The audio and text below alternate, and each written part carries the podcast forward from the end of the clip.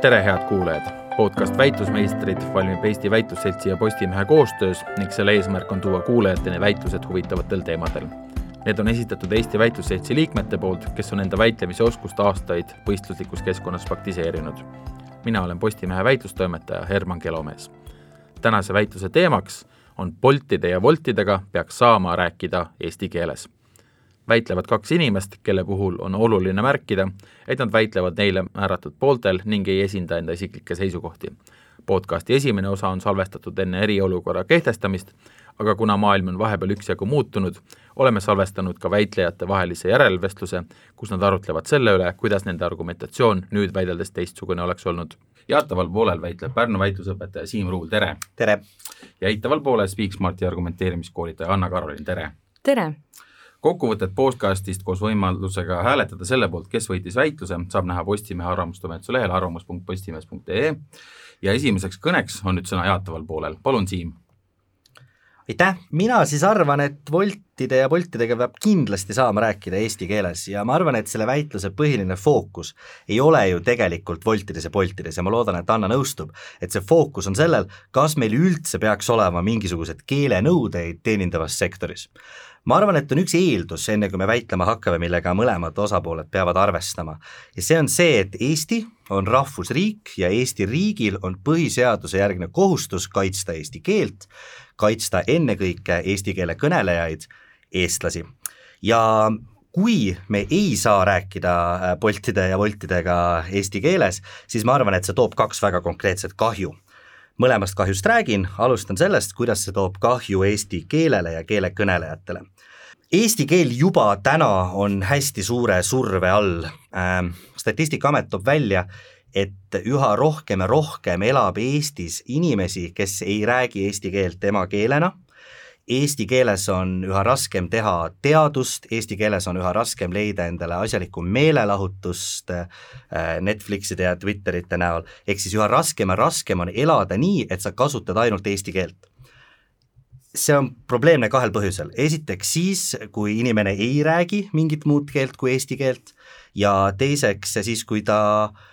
kui ta, kui ta küll räägib, aga ta hakkabki kasutama siis inglise keelt, vene keelt, mingit muud keelt, millest talle need teenused on kättesaadavad. ja see on kahjulik sellele eesti keelele endale, sellepärast et mida keerulisemaks me teeme eesti keele kasutamise, mida vähem on teenuseid, kus eesti keelt kasutada, seda rohkem ja rohkem me irdume tegelikult eesti keelest ma arvan, et kokkuvõttes, äh, kui me ei nõua Woltide, Boltide juhtidelt eesti keele korralikku kasutamist, ei kontrolli seda, see on kahjulik ka neile endale, sest neil kaob ära igasugune motivatsioon endale eesti keel selgeks teha, mis tähendab seda, et kokkuvõttes meil on rohkem ja rohkem Eesti ühiskonnas inimesi, kes ei räägi eesti keelt, ja, ja sellest ja ei õpi ka seda eesti keelt kunagi rääkima, ehk siis see on eesti keelele ja eesti keele kandjatele kahjulik.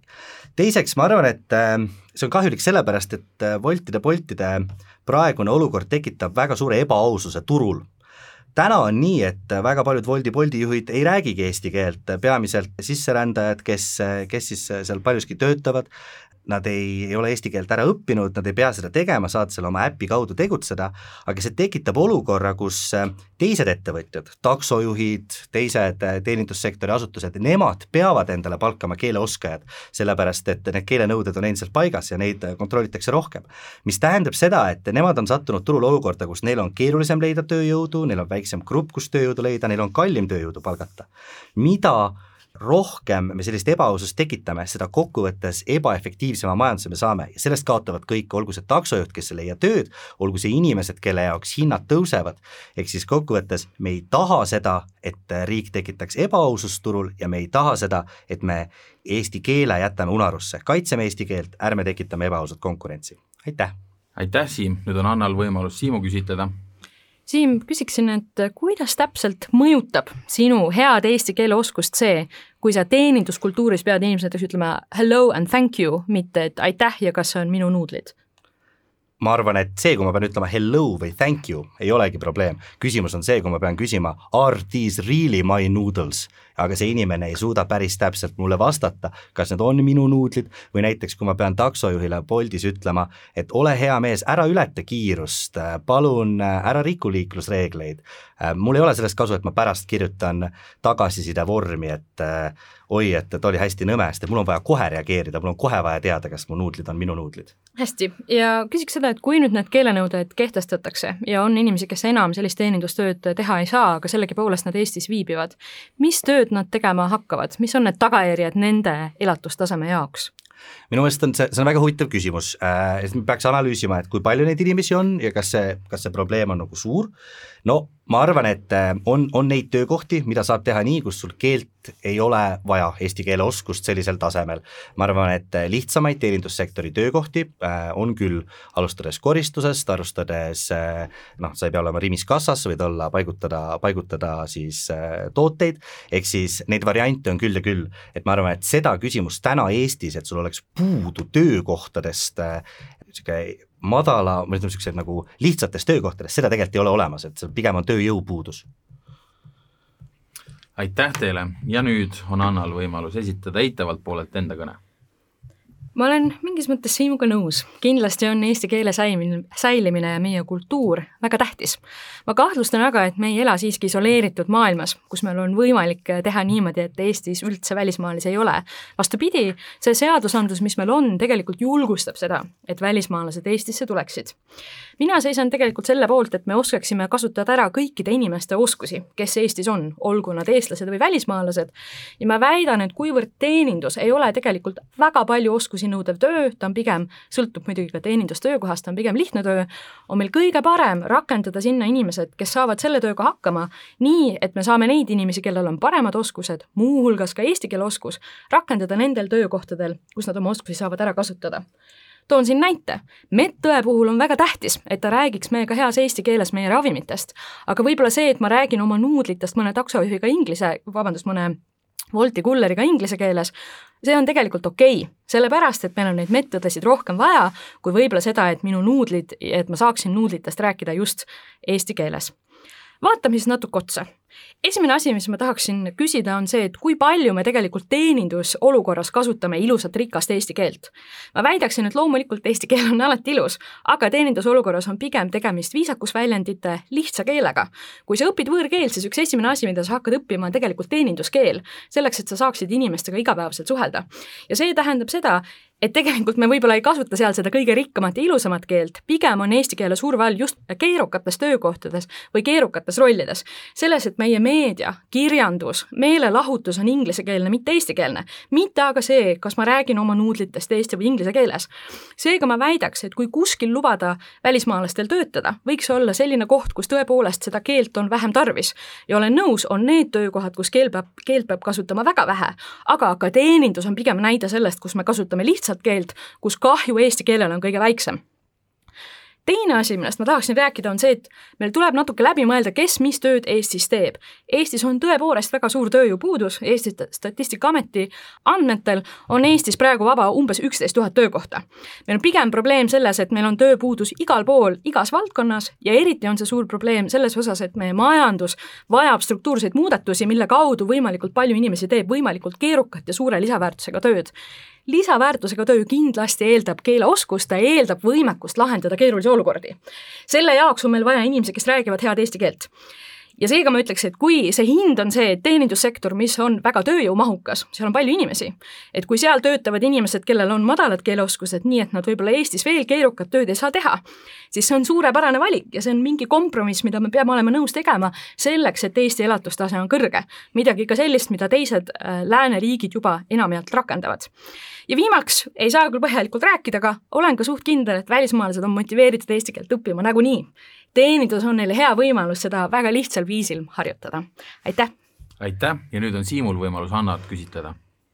väga, väga hea, ma hakkangi sealt peale, mida sa ju rääkida ei jõudnud, et kuidas siis motiveerida seda Wolti juhti või seda Bolti juhti, seda Wolti kullerit eesti keelt õppima, kui talle piisab sellest, et sina ütled talle hello and are these my noodles no Siim, ma ei tea, kui mitut võõrkeelt sa oled õppinud, aga erinevad uuringud näitavad, et välismaalased soovivad eesti keelt ära õppida nagunii. Eesti keel on lihtsalt väga raske keel, mida õppida. ja neil on selle aja jooksul, kui nad Eestis on, piiratud võimalused tööd leida, sinu ettepanekuga tegelikult nende võimalused vähenevad. mina ütleks, et teeninduskultuur on neile hea algus saada eestlastega rohkem kokku, nendega suhelda, isegi kui nad ütlevad nuudlite asemel noodles, siis siiski see hakkab millestki pihta. seega lahendatud. aga ma just hu ikkagi huvi pärast on ju, et need Boltid, Boltid on suhteliselt nagu hiline nähe, aga me oleme neid keelenõudeid jõustanud ülejäänud teeninduses, olgu see hotellisektor, olgu need restoranid, olgu see müük äh,, kogu aeg, kas siis sa tahad mulle öelda, et äh, me oleme sellega pärssinud nende inimeste eesti keele õpet, sellega, et me oleme neid reegleid nõustunud, või kui see on tõsi, et nad kõik tahavad õppida, nad oleks ekstra motiveeritud eesti keelt ära õppima? esiteks, sinu küsimuse taga on demagoogia võte, asi, et me oleme midagi teinud, ei tähenda, et me peaksime seda samamoodi tegema. teiseks, siin on tegemist erinevate kontekstidega, et ma arvan, et varasemalt me väga palju rääkisime Eesti versus mitte Eesti inimestest ja seal võis küll olla küsimus, et inimestel võis olla natukesed teised alused motivatsiooniks, võib-olla tulenevalt nende identiteedist ja arvamusest, et kes üldse Eestis, kuidas toimetab. ma kahtlustan, et välismaalased, kes Eestisse tulevad, ehk siis neist võib-olla räägitakse kui uussisserändajatest, vaevalt nad ju arvavad, et Eestis kõik inglise keeles, kaotame eesti keele ära, äh, okupatsioon suurepärane, et see kontekst on teistsugune. ma ei väida ka, et kõik mitte-eestlased nii arvavad, see ei ole ka üldse minu mõte, vaid seal võib-olla need motivatsiooniküsimused olid teistsugused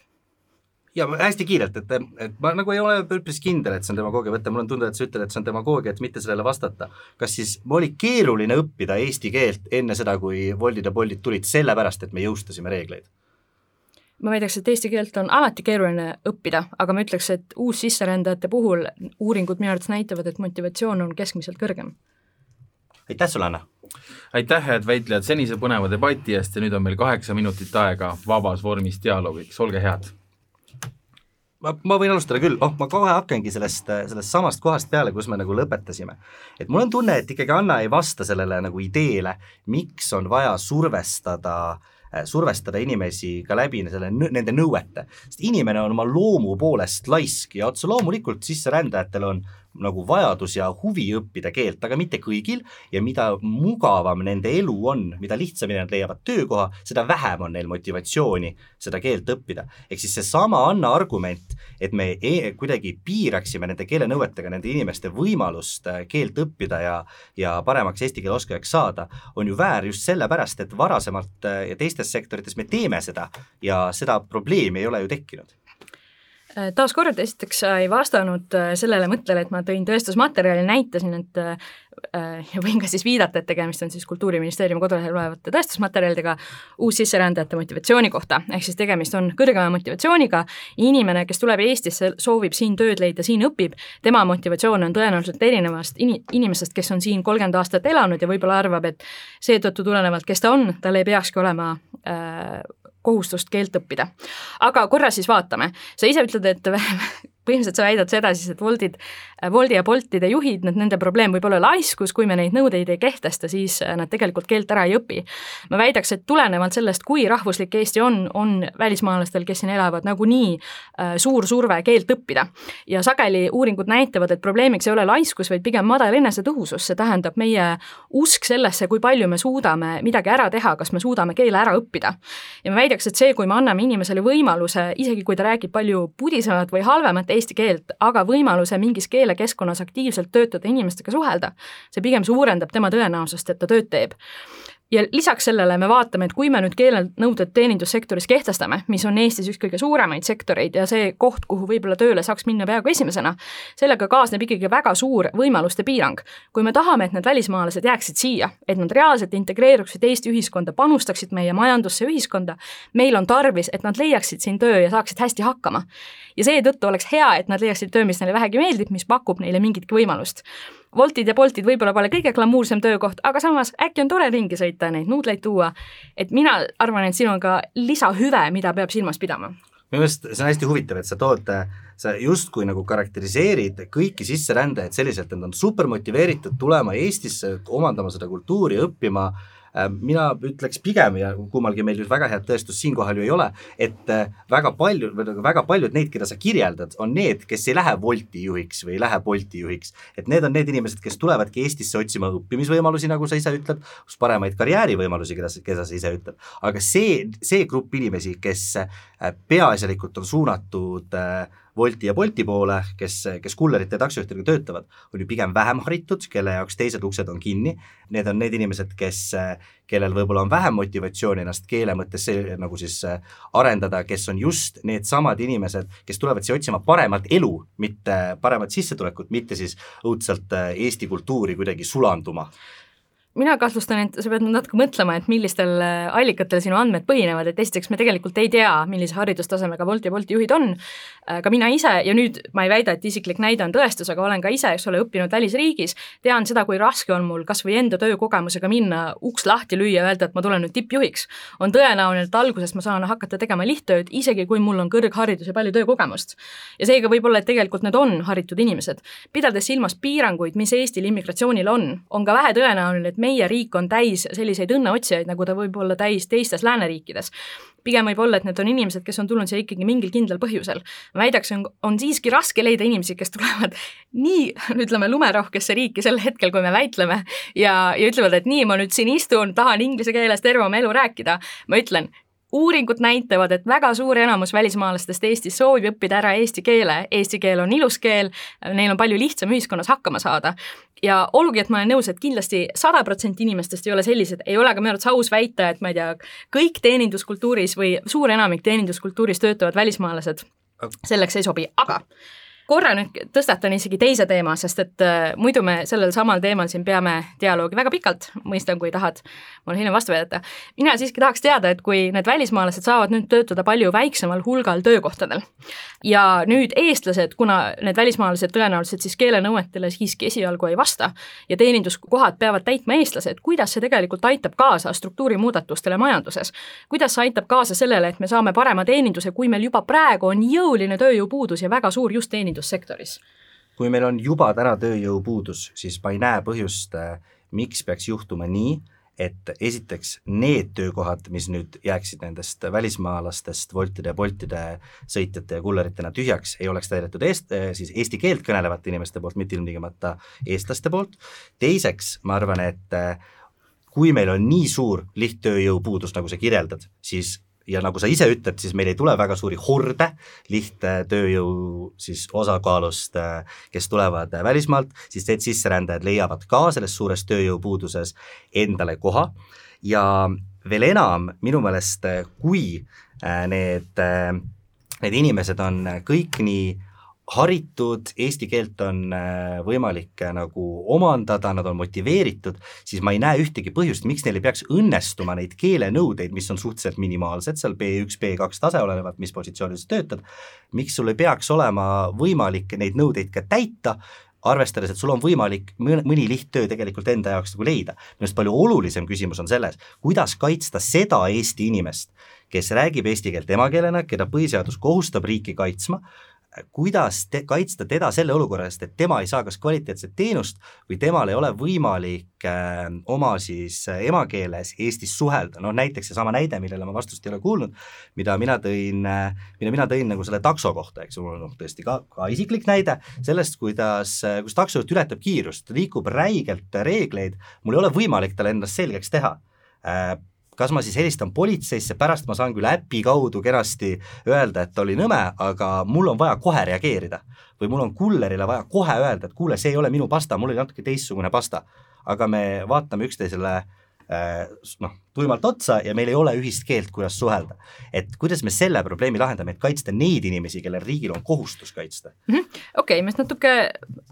vastan siis äh, nendele mõtetele, mis sa välja käisid, et esiteks äh, ma ütleks, et äh, arusaam sellest, et küll need inimesed töö leiavad ja nüüd neid keelenõudeid on lihtne täita, et mulle siin tundub, et sul on nagu vastuolu, et sa ütled, et oo, me peame kehtestama ilusa eesti keele hoidmise ja rikkuse, aga tegelikult neid keelenõudeid on lihtne täita. kas on siis lihtne või mitte, sest vastasel juhul neil ei ole mõju teiseks, sa rääkisid sellest, et ei, aga küll nad oma koha majanduses leiavad vaata, ma olen ka nõus, et tööjõupuudus on suur ja seetõttu tõepoolest välismaalastel on äh, võimalik leida mingi töö. ma väidaks aga, teenindussektor on tõepoolest väga suur sektor Eestis, seal on väga suur tööjõupuudus, me praegu näeme iseteeninduskassasid, me näeme suuri järjekordi poodides ja nii edasi ja nii edasi. ja kui sa nüüd paned kogu teenindussektorile tegelikult sellise nõude, siis ikkagi välismaalaste äh, võimalus tööd leida on palju väiksem ja seetõttu me tegelikult kehtestame majanduses omamoodi ebaefektiivsuse. me tegelikult ei toeta seda struktuurimuutust, et inimesed, kellel on paremad keeleoskused, saavad teha oskustemahukamat tööd ja inimesed, kellel on madalamad keeleoskused, teevad senini vähemat oskustemahukat tööd, kuni nad saavad oma oskused parandatud. ja see minu alternatiiv, mis mina välja pakun, on minu arvates palju mõistlikum. ja siis, eks ole, sina rääkisid sellest vajadusest kohe reageerida vabandust, et ma seda ütlen, kindlasti on olukordi, kus on kahetsusväärne, kui keegi saab sellist teenust, kus ta ise ei oska inglise keeles suhelda, kus ta sai need valed nuudlid ja tema päev on rikutud. ja ma olen ka nõus, et väga hea on, kui eestlased saavad ilusas eesti keeles Eestimaal kõnelda aga ma arvan, et see ei ole ka päris nii ekstreemne olukord, ma arvan, et enamjaolt on, on küsimus siiski mõistlikkuses selles, et me kõik oskamegi varsti öelda hello, goodbye, et me saamegi inimestega suhelda ja see on okei okay,, sest see, mis me sellest saame, on näiteks hea ja Woldi Bolti teenus. muidu sa ei saa kell üheksa õhtul endale friikartuleid koju ja nüüd bäm, olemas, just seetõttu, et me lubame rohkem vabadust ja seda, et sa räägid inglise keeles aitäh teile, me tuletame lõpetuseks veel meelde, et väitlejatel olid vastavalt teatav ja eitav pool määratud ning nad ei esindanud enda isiklikke seisukohti. väitlesid Siim Ruul ja Anna-Karoliin Eesti Väitlusseltsist, kuulmiseni järgmisel korral.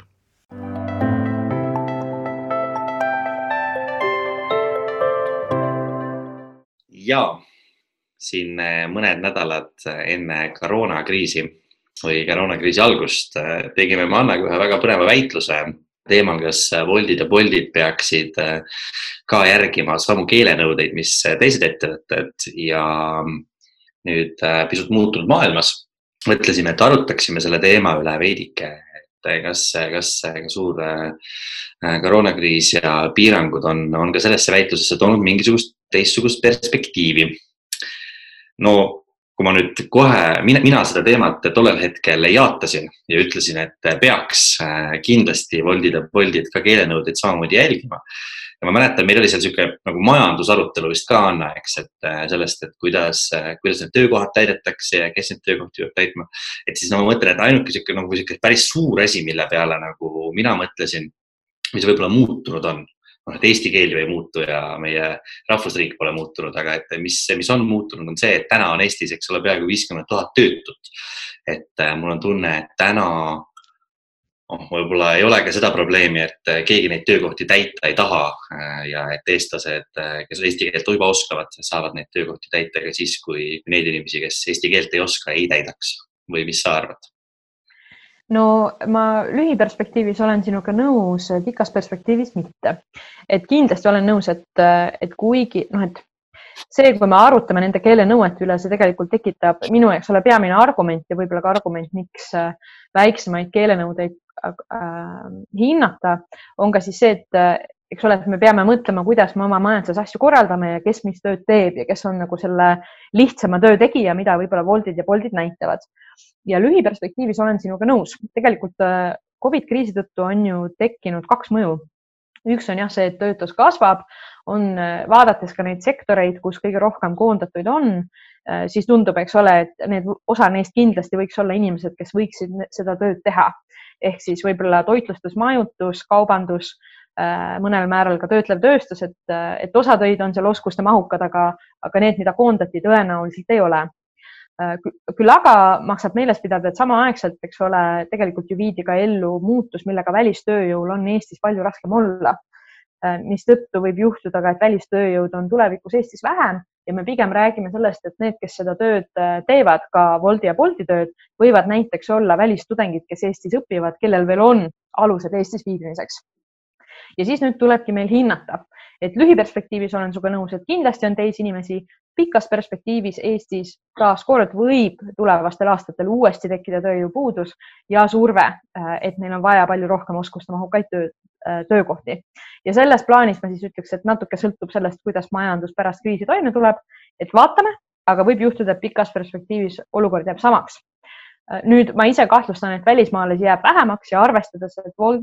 selline voltimine, poltimine on pigem ta ei ole päris juhutöö, aga eks ole, ta võib tuua inimesi, kes otsivad ajutist sissetulekut, kes muidu, kellel ei ole tööd. Ja kui need inimesed enam elamislube ei saa või peavad Eesti riigist lahkuma, et siis tõenäoliselt selle probleemi tähtsus väheneb. et siis, et see on võib-olla ka üks mõju, mida silmas pidada ei, ma olen nõus sinuga ja absoluutselt, ma isiklikult ma väga tahaks loota, et, et võimalikult kiiresti see majandus taastub ja see meie väitluse tuumprobleem tuleb juba sügisest tagasi. et, et, et tööjõudu on, tööjõudu on rohkem vaja kui, kui,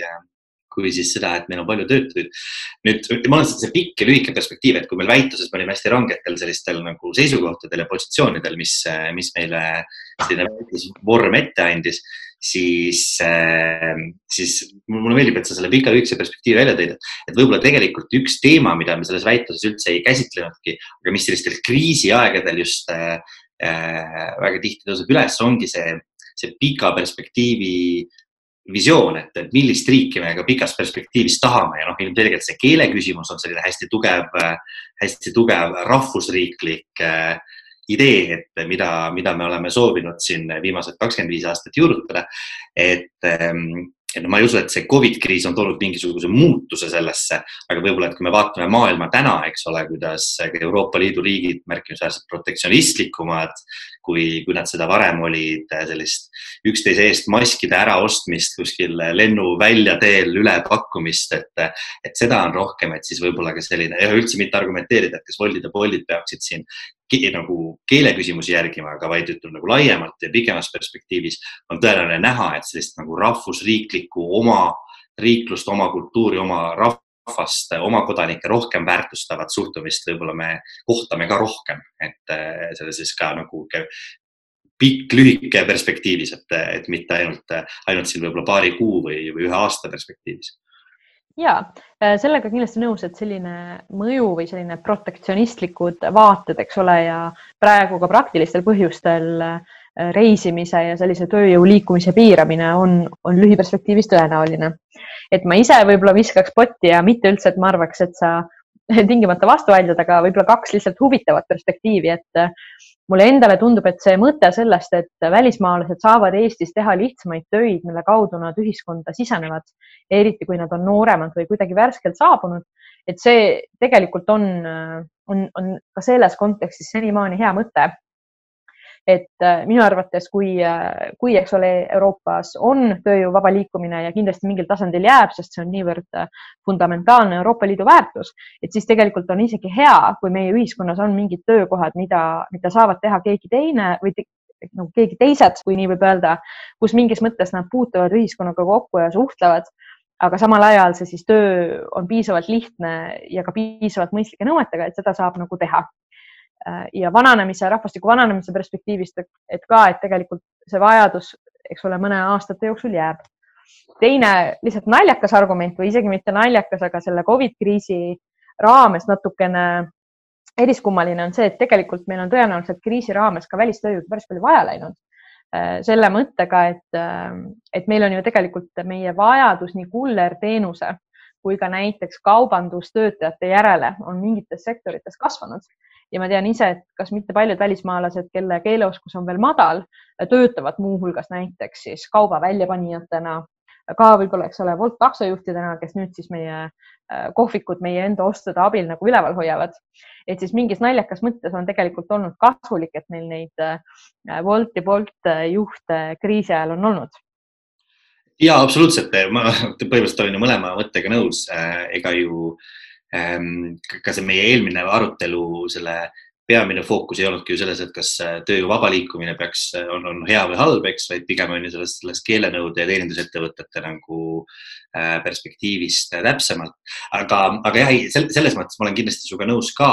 et ähm, et noh, nii välistudengitele kui nendele, nendele inimestele, kes eesti keelt ei oska, mis iganes põhjusel on või elavad või on jäänud või jäävad või ka tulevad, et nendel on hea, kui neil on mingi töökoht, kuhu siseneda. eks, et ainuke asi võib-olla, mis ma nagu suure, suuremas plaanis just sellega Covidi perspektiivist mõtlen, ma tahaks väga loota, et äh, ei teki sellist äh, hästi odava populismi nagu ärakasutamise võimalust ja üldse mitte oma nagu sellest väitluse perspektiivist rääkides, vaid, vaid tervikuna sellele teemale otsa vaadates, et, et noh, lõpuks, kas mu kuller oskab rääkida kriisi ajal eesti keelt või ei oska, võib-olla just kriisi ajal, eks, et on minu jaoks nagu vähem oluline kui see, et saada oma, oma Selveri tellimus kätte versus, versus siis see, et kui ühel hetkel nagu lähebki ütleme, selle keelearutelu teema ühiskonnas teravamaks, et siis äh, ei kasutataks seda argumenti, et oo oh,, et meil on nüüd äh, viiskümmend tuhat töötut, eks, kes ei ole ilmtingimata kõik need, kes kohe jooksevad äh, sedasama kulleritööd tegema, et me pigem ju eelistame, et see kulleri teenus, mis täna on ilmselgelt äh, hädavajalik teenus, võib-olla mis ta mis ta võib-olla kaks kuud tagasi oli mugavusteenus, on ju, täna on see üks eesliini hädavajalik teenus, milleta me ei saa. et ähm, et seda ei kiputaks äh, niimoodi tobedalt politiseerima ja, ja ka samas, samas see keeleväitlus ei ole ju äh, ilmtingimata, ei ole ilmtingimata väitlus sellest, et, et äh, meie või nemad, vaid pigem, et millisel, millises vormis peab, peab üks või, või võiks saada üks Eesti inimene siis teenindust Eesti riigis ja et milline see keele funktsioon on just inimeste integreerijana. et ähm, et noh, selles mõttes ma natukene nagu kardaks, et kui see debatt peaks jõulisemalt tõusma, siis just see päris, päris nagu hirmutav töötuse määr äh, võib, võib seda nagu seda väitlust äh, politiseerida just niisuguses populistlikus võtmes. et see on nagu minu hirm nõus ja võib-olla see oht on ka, eks ole, see, et kõik need argumendid ja mõjud jäävad analüüsimata, et äh, ma olen ka nõus, et see on põhimõtteline küsimus ja on tõepoolest võimalik, et eks välismaalastele võib jääda ka teisi töid selliseid, eks ole, kus nad inimestega üldse ei suhtle, kuigi kindlasti nende, neid töid on siis äh, natuke vähem, et kui välistada sellised suhtlusolukorrad, kus siis keeleoskust läheks tarvis. ja ma kahtlustan, et, et jah, et Eesti rahvastikku vaadates ja tööealise elanikkonna arvu, et äh, mis küll juhtub, on see, et me vähemalt suurlinnades peame valima teenuse kättesaadavuse versus siis selle oo, keegi tervitab mind nüansirohkes eesti keeles vahel noh, väikepiirkondades tõenäoliselt, eks ole, me, me peame nagunii kasutama paindlikumaid lahendusi nagu ma ei tea, pakiautomaadid või, või midagi muud, et lähen ise jalutan järele. aga et jah, et ka mina loodan sellele, et, et, et need argumendid jäävad kõlama, et me teame, mis on selle hind, äh, kui me otsustame näiteks rangemad keelenõuded kehtestada ja kui loomulikult see on väga suur ja põhjalik arutelu tulemus, nii võib olla, aga et lihtsalt, et need argumendid jääksid siis ka hästi kõlama